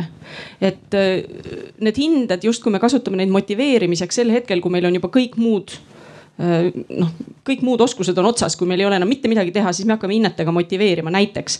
ja siis juba kasutame me hindeid kurjasti ja, ja, ja tegelikult ma arvan, et me natukene jah augume siin vale puu all isegi, et kas kaotada ära hinded või mitte kaotada ära hindeid. kui me muudame õpiprotsessi sisuliselt, siis see ei ole isegi enam küsimus, ma julgen väita. tahad sa täpsustada siin edasi? jah, räägi veel, see oli hea et sa arvad, et mul on veel mõtteid või? ei, ma mõtlen seda kohta, et see ei ole isegi küsimus. jah, no ma julgen ja. väita või tähendab, ma julgen püstitada sellise hüpoteesi, sellepärast et äh, see, kuidas me hinnet tõlgendame, äh, see juba hakkab sõltuma sellest, milline on olnud õpiprotsess okay.. Mm -hmm. mina, mina sain küll aru, nii et ma annaks järgmise küsimuse ma olen, ma olen ka nõus, minu arust Rootsis tehti selline eksperiment umbes, alustati sellega võib-olla kümme, kakskümmend aastat tagasi nüüd ja see ei lõppenud väga hästi, et see tundub, et rohkem tähtsust, nagu sa äh, ütlesid, on sellel, mida, mis kaalu sa sellele hinnangule paned, mitte see, kuidas see hinnang on. aga ma tahtsin hoopis sellest rääkida, et äh, natuke selle eelmise teema juurde tagasi, et muidugi on väga kallis ja aeganõudev arendada välja ja koolitada õpetajaid. aga kas üks probleem ei ole lihtsalt see, mis on minu arust juba välja toodud ka, ongi see teemade rohkus ja see kiirus, milles õpetajad peavad nendest teemadest nagu läbi minema, et minu enda näitel äh, meil oli väga hea matemaatikaõpetaja ja minu äh, trigonomeetria sai suure tähelepanu ja kõik armastasid seda meie klassis, sest meil oli tund, kus me läksime välja ja arvutasime lipuvarde ja koolimaja kõrgust. aga, ja me küsisime õpetaja käest, miks me siis rohkem seda ei tee, ta ütles, et me ei saa, sellepärast et me peame nii palju äh, teemasid katma ja teil on kõigil eksam tulemas lõppude lõpuks. et ähm, kas, kas ei ole selline kind of säästuvariant küll, aga, aga asi, millest alustada on see, et mõelda läbi, mis teemasid me õpetame ja mis järjekorras ja, ja kuidas seda asja saaks nagu teha niimoodi, et oleks rohkem aega siis äh, seda üheksakümmend protsenti inimesi aidata, kellel on vaja natuke rohkem kui lihtsalt seda õpetajat, kes tahvli ees kriidiga seletab kiiresti võrrandid läbi. ma vastan tegelikult ma olen ju õpetanud koolis, ma arvan, kaksteist aastat. nüüd viimased aastad enam ei ole õpetanud, äh, kuna koormus on ülikoolis nii suur. et äh, ma ütlen ausalt, äh, ma olin kah suht paanikas oma karjääri algusaastatel. iga tund oli minu jaoks oluline, iga minut oli minu jaoks oluline ja ma pidevalt jälgisin need teemade järjekorda ja, ja, ja, ja siis põhimõtteliselt mingi hetk avastasingi, et ma tegelikult ei õpetagi matemaatikat, ma õpetan mingeid teemasid mingis järjekorras. tund teema, tund teema ja siis, ja siis ma aasta lõpus saan aru, et tegelikult tulemus on null et äh, ja siis ma hakkasin oma äh, pedagoogilist meisterlikkust äh, parandama, hakkasin õppima tegelikult uuesti seda, mida ma õppisin ülikoolis kahjuks. ja siis läksin oma kolleegi juurde, rääkisin, kuule, kas sa oled meile rääkinud sellest loengus? olen kahjuks vot nüüd läks mööda kuidagi niimoodi. et, te, tegelikult ma olin ise ka selline õpetaja, kes, kellel ei olnud mitte kunagi aega. ja siis mingi hetk ma sain aru no see oli jah, läks aastad ikkagi selleks, et nüüd ma enam ei muretse selle pärast. Et, et ma enam ei pea jälgima seda, et mis see teemade järjekord ja noh, selles mõttes järjekord, et, et täna pean selle teemaga kindlasti ühele poole jõudma, homme on juba järgmine teema. et, et kuidagi ma võtsin, viimase aasta õpetasin gümnaasiumis ja need kolm aastat ma mõtlesingi niimoodi, et siin on algus, siin on lõpp ja me jõuame sinna lõppu, ma olin kindel selles ja iga klassiga läksin omas tempos ja, ja, ja, ja kõik lõppes selles mõttes hästi. et äh, ma arvan, et äh, loomulikult äh, nende teemade arv on meil liiga suur see, see, see on fakt, sellega, selle vastu ma ei vaidle. kindlasti peaks üldse selle õppe sisu, eriti gümnaasiumi osa, peaks üle, üle vaatama. seal on asju, mida tegelikult tänapäeval võib-olla sellisel tasemel ja, ja, ja sellise tundide arvuga ei ole vaja enam teha tegelikult. ja on asju, mida me üldse ei tee, mida tegelikult laps või inimene võiks, võiks peale kooli lõpetamist äh, osata tegelikult. nii et ma selle õppe sisu gümnaasiumi ma kindlasti vaataks üle ainuke asi, mida ma ei ole valmis üldse nõus üle vaatama, on see, et kui viskame mõned teemad välja, siis võtame natukene matemaatikat tunde ka vähemaks. et see oleks katastroof, onju, et siis me ei võida mitte midagi, aga loomulikult mõnda teemat võib vähendada üks asi, ma ütlen enne kui Raivo hakkab kommenteerima võib-olla, et on see, et me tegime paar-kolm aastat tagasi äh, matemaatika, Tallinna Ülikoolis tegime matemaatikaõpetajatega ühe eksperimendi. Äh, noh, pikaajaline koolitus oli meil, kus me vaatlesime just, me püüdsime muuta, toetada õpetajaid nende õpetamise muutmisel, praktikate muutmisel. et just nii nagu Marina ütles, et, et muuta nüüd õppija kesksemaks, et lapsed rohkem ise tegeleksid matemaatika, matemaatikaga. meil oli pikaajaline koolitus, kus me vaatlesime neid õpetajaid koos neid abistasime õppematerjali loomisel, toetasime neid igati. ja, ja mis tuli nüüd välja, tõesti, kui kasutatakse neid teistsuguseid õpetamise meetodeid, on ju, väga lühidalt öelda, siis tempo kukkus teema, teemade läbivõtmine on ju nii-öelda, see kukkus ja õpetaja, õpetajad hakkasid juba seal detsembri lõpus juba kergelt paanikasse sattuma, kuulge, ma jään maha. mul mõned kolleegid seal kõrvalklassis on juba tunduvalt kaugemal teemadega. me rahustasime, et rahu, oota, teeme edasi. ja tead, mis juhtus, kui väga lühidalt rääkida loomulikult sellest uuringust, mis me tegime Tallinna Ülikoolis. Äh, juhtus põhimõtteliselt niimoodi, et kui sa töötad õpilastega nii-öelda teistmoodi siis need õpilased õpivadki teistmoodi töötama ja nad töötavad ka nii-öelda traditsioonilises tunni raames ka teistmoodi. ja siis mingi hetk õpetaja avastas kevadel, et ka teised tunnid kuidagi, mida need meie poolt disainitud tunnid, ka nende tunnid hakkasid muutuma ja õpilased muutusid, hakkasid teistmoodi matemaatikaga tegelema ja nad aasta lõpus olid ilusti seal, kus vaja on. Et nad tegelikult võitsid selle aja pärast tagasi, aga see esimene periood oli, oli tegelikult selline väga hirmuäratav ja, ja õpetajal peab olema julgust seda teistmoodi asja teha, sest õpilased on ka ju ära harjunud nagu sa hakka, proovi võtta, hakka kümnenda klassi õpilasega teistmoodi matemaatika tegelemist, mis ta ütleb sulle? Vau, vau, vau, lõpetame ära selle asja. palun tule nüüd tahvli ette, näita, kuidas see tuletise leidmine käib ikkagi. et noh, et, et saate aru, ega meie õpilased ka harjuvad ära ju päris kiiresti ja mida klass edasi, seda raskem on neid tagasi tuua, tagasi võita. matemaatikaga hakkad, noh, nendega väga raske hakata matemaatikaga tegelema. et see on minu väike kommentaar mul on üks küsimus, et äh, Jüri, sa tutvustasid väga toredasti distantsõppe ajal Desmose programmi, mis pakub väga häid võimalusi katse-eksituse teel äh, matemaatika õppimiseks. kui suurt perspektiivi sa selles näed? Kas sa räägid Desmose perspektiivist või? põhimõtteliselt, et nii. ja mis see on üldse? laps saab katsetada, näiteks ma ise katsetasin seal ringivalemit muuta. ja, ja ma saan aru. kuidas rimm läks loperguseks ja kuidas ta läks punktiks ja kuidas. tegelikult jah, Desmos on üks programm äh,, ameeriklaste programm äh,. muide, ma võin öelda praegu Desmos tõlgitakse eesti keelde juba ja, ja Desmos esindaja on käinud ka Eestis meiega kohtumas. ja, ja Desmos on selline programm, äh, mis võimaldab sul äh, noh, teha graafikuid loomulikult, joonistada igasuguseid huvitavaid kujundeid, arvutada, lahendada põhimõtteliselt võrrandeid, võrratusi, sihukene graafiline kalkulaator, väga võimas. aga Desmos on loonud mitte ainult graafilise kalkulaatori, vaid keskkonna, teacher Desmos. ja andnud õp õpetajatele instrumendid just selle, ütleme õppeprotsessi ülesehitamiseks, kes ei ole veel Desmost uurinud, teacher Desmos, palun uurige jah, tegelikult Eestis on ju väga palju fänne juba, on isegi Facebookis grupp olemas, Teacher Desmose Eesti kasutajad. nii et tegelikult äh, see programm, tegelikult äh, selle, selle programmi nii-öelda ideoloog seal, pedagoogiline ideoloog äh, on Stanfordi ülikooli professor Joe Bowler kes tegeleb matemaatika õpetamise probleemidega. Ja, ja nende põhisõnum ongi see, et me peame andma võib, lastel võimaluse seaduspärasuse uurimiseks, mitte ei anna kohe seaduspärasuse kätte. Ja, ja see Desmos on loomulikult, kui seda targalt kasutada, äh, ongi hea äh, nüüd niimoodi, ta on ju dünaamiline programm on ju, et laps kui sa toetad teda piisavalt, teed õiged slaidid, äh, suunad teda õigeid küsimusi esitama, siis laps näiteks kolmnurga pindala valemit, kõik need avastab ise tegelikult ja et see on väga võimas äh, vahend tegelikult, õpetamise vahend ja, ja, ja õpilase jaoks uurimis, maailma uurimise vahend jah. et me ei pea seda pindala valemit, kolmnurga pindala valemit viiendas asjas andma kätte onju, A korda B jagada kahega. vaid laps arvutab ise välja selle, selle, mõtleb välja selle seose et see, see on täitsa võimalik jah, see on väga võimas vahend. ma korra veel nii-öelda psühholoogina siit kõrvalt, et me Jüri ja Marinaga tegime koos ühte kursust, kus me siis kasutasime tihedalt seda Teach Desmost. ja noh, minu jaoks on just täpselt hästi mõnus vaadata, et see Desmos on nagu selles suhtes ka kaval, kaval asi. et, et kui muidu õpetaja saab kõrvale hiilida võib-olla sellest, et ma ei tahagi võib-olla nii täpselt teada, kuidas lapsed mõtlevad, sest see, sealt võib igasugu koledaid asju välja tulla. ja siis Desmos, Teach Desmosega sul ei ole põhimõtteliselt seda võimalust.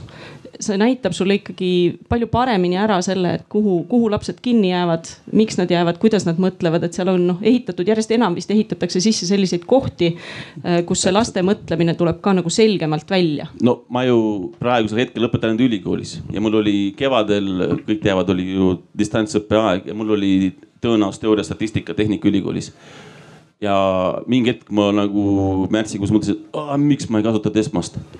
võtsingi kõik no see on suur töö loomulikult õppejõu jaoks, et tegin Desmoses need õppematerjalid valmis. andsin tudengitele koodi, avasin Zoom'i paralleelselt Teacher Desmose ja ma nägin põhimõtteliselt iga tudengi vihikusse.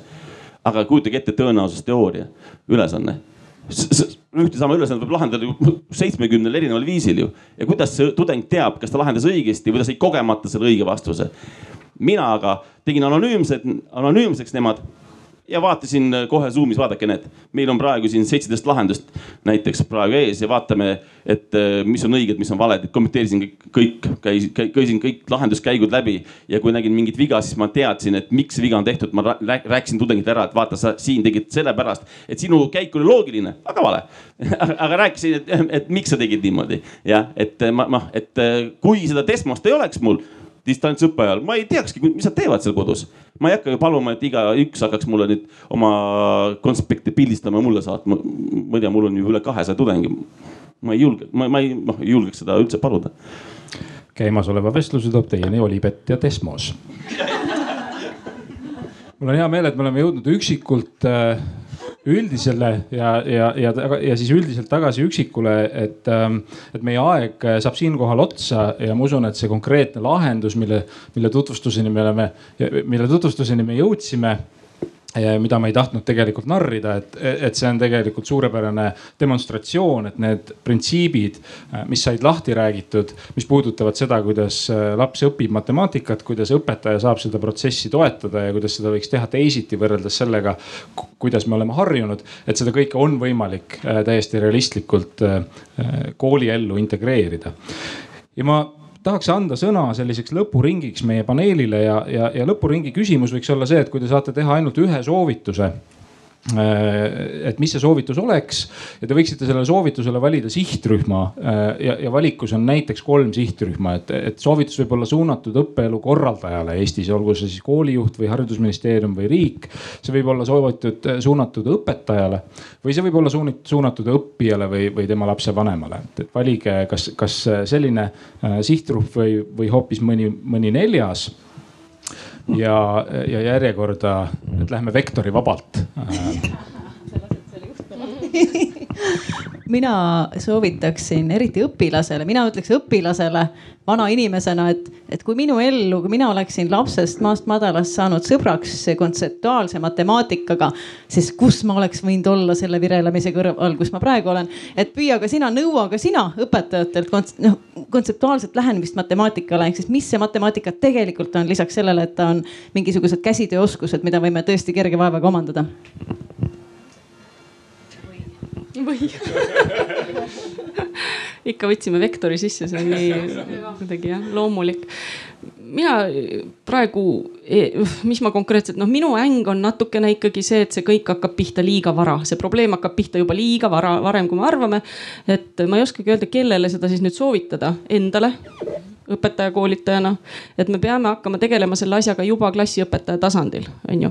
et eh, noh, inetu on öelda, aga me millegipärast arvame, et kehalist kasvatust, muusikat, eks ole, eh, käsitööd õpetavad meil erialaspetsialistid, aga matemaatikat õpetab klassiõpetaja, kellel tegelikult võib endal ka olla väga suur matemaatika ärevus seal taustal, on ju. ja kui me teame, et matemaatika probleemid hakkavad pihta juba väga-väga varases eas, siis ma arvan, et me peaksime suunama sinna rohkem ressurssi et me juba algklassides annaksime selle mõnusa aluse, julguse lapsele tegeleda matemaatikaga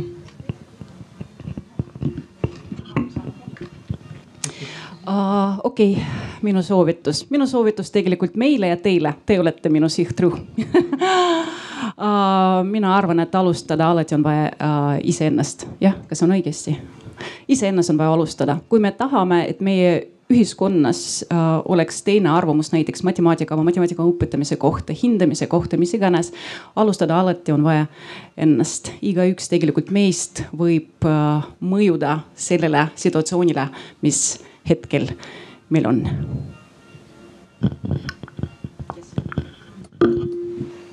võib-olla läheks siit jah edasi, et, et sellist nügimist oleks vaja ka, et see üksikisiku tasand ja ka ühiskonna tasand, et, et nähtaks rohkem seda matemaatika olulisust, millest me täna oleme rääkinud ja et me jõuaksime sinna, et ülikoolidesse tuleks õppima palju-palju